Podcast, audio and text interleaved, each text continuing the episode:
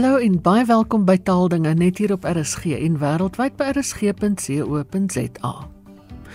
Vandag beantwoord ons weer 'n klompie luisteraarsvrae wat die vorige keer oorgestaan het. En my gaste is die senior mede-redakteur van die Woordeboek van die Afrikaanse taal, Alet Kloete, en die mede-redakteur Dr. Gerda Oendal. Gerda, ons begin weer by jou vandag. Dan van Nylstroom vra: Kan julle asseblief tog help met behoorlike Afrikaanse woorde vir tag en like op sosiale media? Dan as jy jou Facebook se taalvoorkeur na Afrikaans verander, sal jy sien dat hulle die terme merk en hou van vir onderskeidelik tag en like gebruik. Nou hierdie twee terme is reeds vir 'n paar jaar goed ingeburger in Afrikaans. En groot maatskappye soos Google en Meta wat die moedermaatskappy van Facebook en Instagram is, uh, met groot spanne gekwalifiseerde vryskrifvertalers van reg oor die wêreld wat hulle gebruik om hulle platforms in verskillende tale te vertaal. So dit is nie 'n lukrake keuse wat hulle gemaak het nie, dis regtig gekwalifiseerde mense wat uh, besluit het wat die terme in Afrikaans moet wees. So stel gerus jou Facebook of jou sosiale media in Afrikaans en geniet dit dan ook in Afrikaans want ehm um, hulle het voorsiening gemaak vir ons Afrikaanssprekendes. En ek dink as hoe meer mense dit gebruik, hoe meer sal dit inslag vind. Absoluut, absoluut. Marius van Durban wil wil weet waar die woord ise grimmig vandaan kom. Alet, kan jy dalk sê?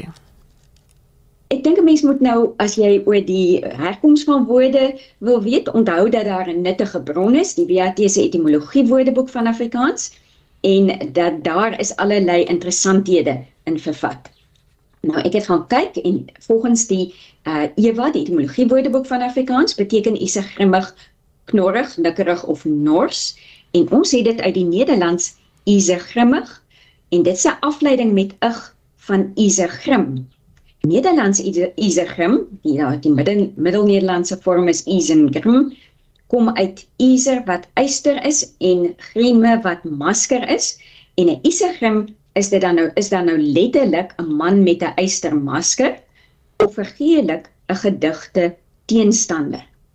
Hierdie naam was oorspronklik 'n eie naam van die wolf uit die diere-epos Reinhard. In Afrikaans kry ons die eerste optekening daarvan by S.J. de Tooy in 1908 en wel in die vorm Isegrimmig. Hm, dit is interessant want dit is so lekker woord om te sê. 'n Baie lekker woord. Gerda Ashley van Meisenberg sê 'n Engelse kollega het aan hom vertel dat die uitdrukking die koeles deur die kerk te maak het met die kruisie in die versuur van 'n geweerloop. Nou wil hy weet, is dit waar? Die uitdrukking die koeles deur die kerk, um, soms met die skerts en 'n byvoeging maar die dominee leef nog, beteken die saak is beslis afgehandel, daar's niks meer aan te doen nie of die saak kan nie meer gered of verhelp word nie. Nou actually jou kollega se teorie is ongelukkig nie waar nie. Maar volgens Anton Anton Prinsloo en Leon en Amanda de Stadler se boek Spreekwoorde en ander segswyse is daar wel 'n interessante storie agter die uitdrukking. Nou vroeër kon vlugtelinge, misdadigers en skuldenaars hulle toevlug tot 'n sekere plekke neem wat as veilige hawens verklaar is. In antieke tye reeds het die Hebreëse stede gehad waar mense wat misdade sonder voorbedagte rade gepleeg het kon gaan skuil. So word daar byvoorbeeld in Deuteronomium 4 vers 43 gesê dat Beser, Ramot en Golan oos van die Jordaan vrystede was wat deur Moses geskep is. En Joshua het wes van die Jordaan die stede Kedes, Sichem en Hebron tot vrystede verklaar. Volgens Joshua 20 vers 1 tot 8. Nou in Egipte het die tempels van Osiris en Amon hierdie status geniet en Griekeland alle tempels. Die reg om in Christelike abdye en kerke toevlug te vind is die eerste keer reeds in die 4de eeu na Christus by wet erken. En hierdie reg is egter dikwels geskend en later herroep. Nou 'n voorbeeld eh, van 'n geval wat direk geskend is, is die kanonkoel wat die Spanjaarde tydens die beleg van Haarlem in 1573 deur die Sint Bravo kerk geskiet het. Volgens oorlewering en hier kom ons by die um, uitdrukking uit was die koel vir die predikant bedoel, maar dit het hom gemis en in 'n binnemuur van die kerk vasgesteek waar dit tot vandag gesien kan word.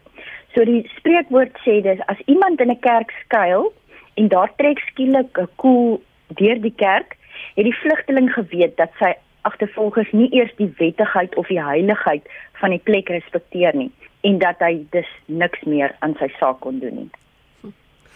Ek onthou jare terug, ehm um, toe Gerard Verwee nog geleef het en uitgesaai het, het hy as die koel nou deur die kerk is in die in die rugby wedstryd en die span of daai span wen het hy altyd gesê en die preekstoel kon dit nie eers keer nie. Ja, dit is pas eintlik so alles mooi by die hele idioom. Ja, ja. Ehm um, Mia Malherbe sê, ek het nog altyd gewonder wat die sooi in soeibrand beteken. Alet, kan jy dalk verduidelik? Soeibrand is 'n branderigheid in die slukdarm wat deur 'n opborreling van oormatige maagsappe veroorsaak word. Nie 'n baie aangename toestand om te hê nie.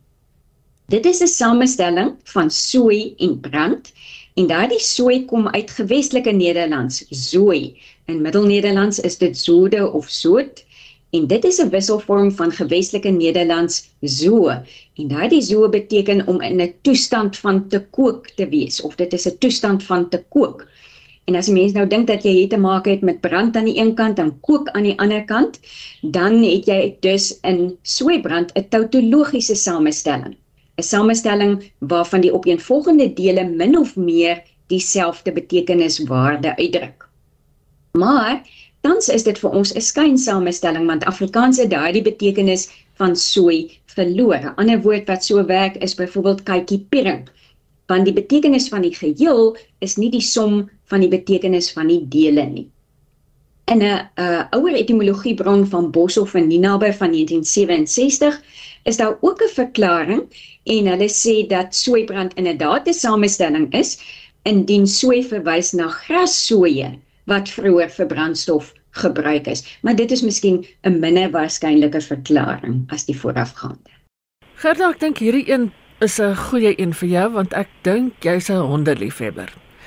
Ek stel -hmm. verwy van Kakamas wonder oor die herkoms van die naam van die Sint Bernard hond. Sy sê sy weet waar die sin sy weet dat die Sint verwys na 'n heilige. Is honde vroeër as heiliges beskou?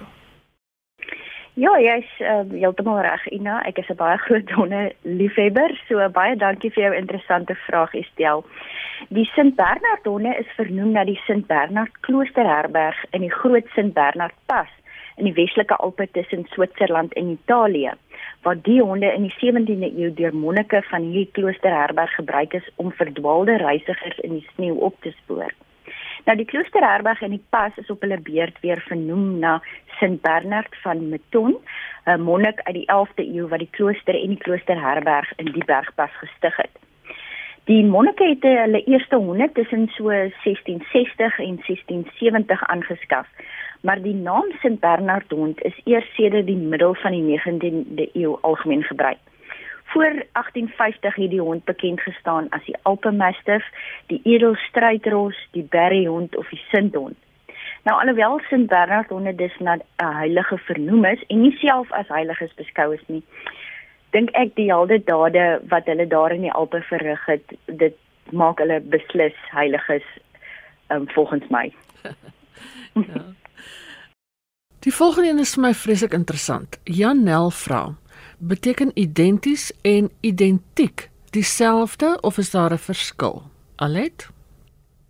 Ek gaan dit probeer verduidelik deur na ander groepe woorde of woordpare te verwys wat min of meer op dieselfde manier werk. Daar is 'n groep byvoeglike naamwoorde in Afrikaans wat 'n vorm het op is sowel as 'n vorm op ik. Soms is daar geen verskil in betekenis tussen hierdie vorm nie. 'n Mens skryf byvoorbeeld fanaties en fanatiek wat beide beteken om aangevuur te wees deur 'n blinde ywer vir iets. Dan kry jy die voorbeeld wat die luisteraar genoem het, identies en identiek wat dieselfde beteken. En jy kry lakonies en lakoniek. Beide beteken bondig, saaklik, bedaard, maar gevat. Jy kry numeries en numeriek en beide beteken in terme van getalle. Maar soms is daar wel 'n verskil tussen so hierdie woordpare. Jy kry eksentries en dit beteken wat van die middelpunt afwyk. Aan die ander kant kry jy eksentriek wat beteken opvallend anders of eienaardig. Jy kry krities wat beteken vol negatiewe kritiek. En dan kry jy kritiek as iets kritiek is, beteken dit Daarsonder kan iets nie plaasvind nie. 'n Mens skryf fisies wat rakende die fisika beteken en jy kry fisiek wat rakende die liggaam beteken. Maar ek moet sê daardie onderskeid het ook al in Afrikaans baie vervaag. Mense gebruik hierdie twee woorde uitruilbaar. En jy het simpaties wat beteken wat verband hou met die simpatiese senuweestelsel en simpatiek wat beteken wat meegevoel het. Die forme met ek gaan op die Frans terug en hulle is gewoonlik die oudste forme, terwyl die forme met is aan Duits ontleen is en daardie forme is gewoonlik van 'n jonger datum. Ek dink nou sommer vinnig aan twee ander woorde ook, plasties en plastiek en ballisties en ballistiek. Dis reg, ja, dit is dit is ook nou voorbeelde van dieselfde. Ehm um, en en 'n mens moet elke keer vir jou afvra, het ek nou hier te maak met woorde wat dieselfde beteken of is daar 'n verskil? Ja, ja. Pieter van Mooirivier wil weet wat die verskil is tussen guur en onguur. Soos hy dit verstaan, sê hy is sowel gure as ongure weer onaangename koue weer. Hy het egter op skool geleer dat die voorsetsel on nie of die teenoorgestelde van beteken. Hiervolgens moet onguur dus die teenoorgestelde van guur beteken. Gerda? Pieter, guur en onguur is inderdaad sinonieme. In teenstryd dan soos wat jy sê wat 'n mens sou verwag. Nou die rede vir hierdie verwarring kan gevind word in die oorsprong van hierdie twee woorde. Die woord onguur kom uit die Middelnederlands en is 'n afleiding van die woord gehuur of gehuur wat lief of sagsinnig beteken. En die voorsetsel on dui dus daarop soos jy reg opgemerk het dat onguur dus beteken nie lief of sagsinnig. Met ander woorde onaangenaam. Nou met die tyd is die tweede lid van onguur, met ander woorde die woord guur as ongunstig ervaar. Jy weet mense het gedink dit beteken iets negatief en hulle het nie regtig begryp dat die on 'n ontkennende voortvoegsel is nie en dis toe later as oortollig beskou. So alhoewel guur aanvanklik 'n woord met 'n positiewe betekenis was, het dit later 'n negatiewe betekenis gekry sodat die onvoor onguur in werklikheid sy funksie verloor het. En maar eintlik het albei hierdie woorde bly staan, maar dan nou met dieselfde betekenis. So mens sal praat van gure weer maar 'n ongure karakter. Ja, jy kry dit ook dat ehm um, ons sien tog dat onguur word meer ten opsigte van mense gebruik terwyl onguur en guur word albei ten opsigte van die weer gebruik. Marie van Modimolle wil weet, wat is die Afrikaans vir slow food en 'n slow cooker? Alet, het jy raad? Die gedagte van slow food het in die 80e jare ontstaan by ene Carlo Petrini en 'n groep aktiviste en hulle aanvanklike doel was om plaaslike tradisies, goeie kos, gastronomiese plesier en 'n stadige pas van lewe te verdedig. Na meer as twee dekades het die beweging ontwikkel tot 'n omvattende benadering tot kos en daar word nou baie sterk verbande getrek tussen jou bord, die planeet, mense, politiek en kultuur. In 1989 is daar dan nou ook 'n slow food organisasie gestig wat die verdwyning van plaaslike koskulture en tradisies wil verhoed, die vinnige leefwyse wil teenwerk en mense se kwynende belangstelling in dit wat hulle eet, waar die kos vandaan kom en hoe ons koskeuses die wêreld rondom ons beïnvloed, wil bekamp. Vandag is dit 'n globale beweging wat duisende projekte en miljoene mense in meer as 160 lande betrek. Nou ook vir ons is slow food van van belang en in Afrikaans praat ons van talmkos. Talm beteken om te vertoef of stil te staan by iets. En dit is wat 'n mens met daardie tipe kos moet maak. Jy moet dit geniet en jy moet dit stadig laat gaar word en jy moet vir jouself afvra is dit op 'n verantwoordelike manier in terme van die uh, voortbestaan van die mensdom en die wêreld bereik. 'n Sloukoeker aan die ander kant noem ons in Afrikaans 'n prutpot want die kos word daar in stadig teen 'n lae hitte gaar gemaak sodat dit vir lang vir 'n lang periode kan prut. Ja, en dis ook 'n lekker woord, prutpot. Nie vir my wat wat 'n brei eet nie. ja. Ja. Gerda Gert Nieuwenhuizen van Springbok sê Ons moet hom asseblief tog help om 'n familiegeskil op te los. Sy neef sê die woord bankrot is 'n samestelling van woorde bank en rot en het te maak met die feit dat plaagbestryding in die middeleeue swak was, wat daartoe gelei het dat die rotte die geld in die banke opgevreet het. Gert sê hy dink sy neef sê die storie uit, uit sy duim. Wat sê die taalkenners? Gerda? Gert, ek ry ook 'n rot. die woord bankrot wat insolvent of platsak kan beteken, kom oorspronklik van die Italiaanse bancarotta wat gebreekte bank beteken. Nou dit op sy beurt is weer saamgestel uit banka wat die tafel van 'n geldhandelaar is en rotta is nou die verlede deelwoord van rompere wat breek beteken. Nou dit alles verwys na die gewoonte wat die Italiaanse geldskieters in die middeleeue gehad het om die toonbanke van handelaars wat nie hulle verpligtinge nagekom het nie stukkend te slaan.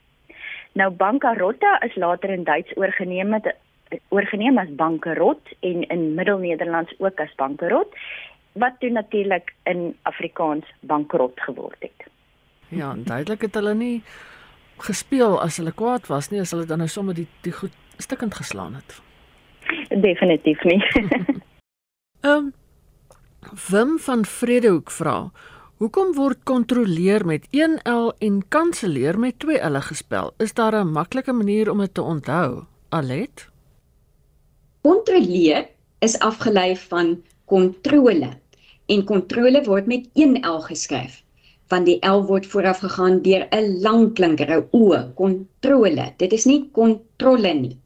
En daarom word kontroleer ook met 1 L geskryf want ons probeer om uh simplekse en dan hulle samestellings en afleidings sover as moontlik eenes te spel. Dit is een van die grondbeginsels van die Afrikaanse spelling kanselleer aan die ander kant het ons via via Engels um uit Latyn gekry. En dit kom uit die Latyn cancellare wat in die Latyn dan met twee L'e gespel word. En daardie Latynse cancellare het beteken om te laat lyk soos hortjies of latwerk. Nou waar kom dit vandaan? Destyds het beamptes in poskantore die briewe met seels in 'n masjien gesit om hulle te kanselleer.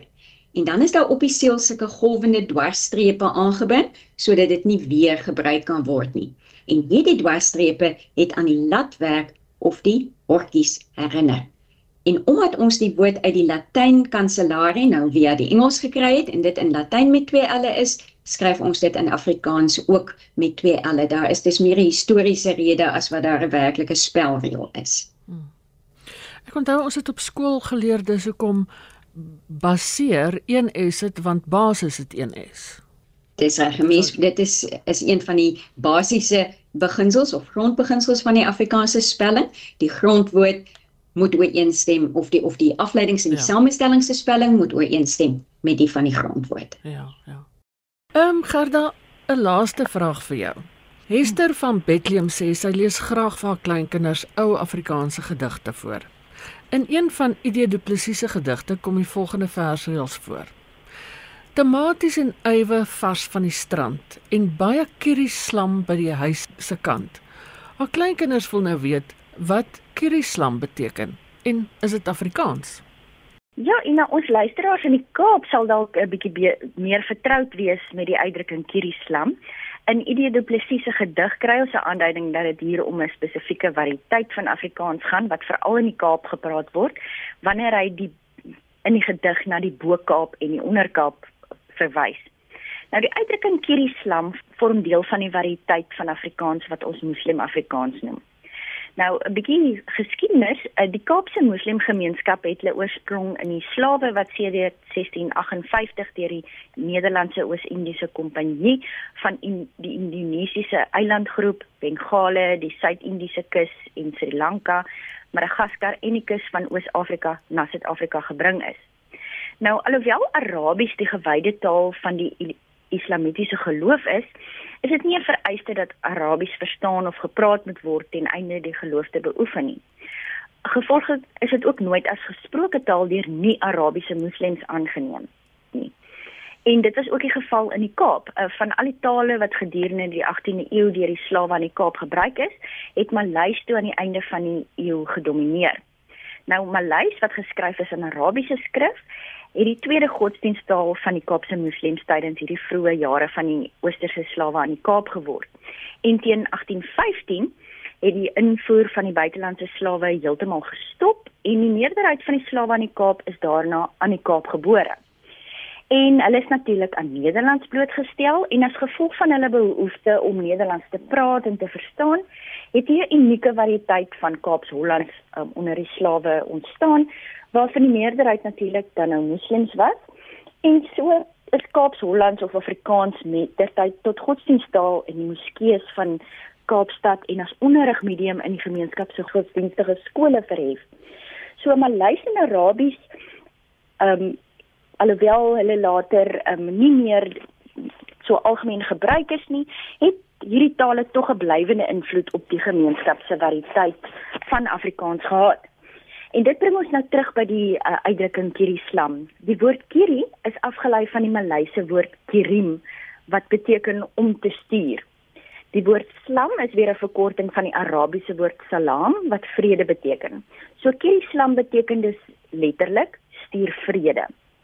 Die uitdrukking kirim salam word vandag nog in Indonesië gebruik om groete aan iemand te stuur. So wanneer die spreker van die gedig sê baie keer die slam by die huise kant sê hy dus stuur baie groete vir die mense by die huis. Haai, jemal, dis mooi. Ek het ook nie geweet wat dit beteken nie. Ja, dit is regtig vir my pragtig hierdie die idee om om vir iemand vrede te stuur, vir hom en sy huismense vrede te stuur.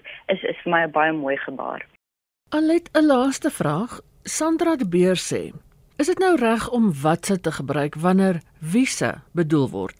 Ek hoor dit al hoe meer selfs op die radio. Ja, dis 'n dis 'n interessante vraag want die wat wiese is daar 'n betreklike wie is daar 'n betreklike voornaamwoord en watse is eintlik 'n vraende voornaamwoord en dit word in informele taal gebruik. Dit is dis nie verkeerd om wat se te gebruik nie, maar jy moet dit in die regte konteks gebruik. 'n Mens sal dit nou nie in 'n formele situasie gebruik nie. So sou 'n mens byvoorbeeld kon sê, "Wat se geraas hoor ek daar? Hmm. Wat se gewaad het jy nou weer aan? Wat se kleur is jou oë?"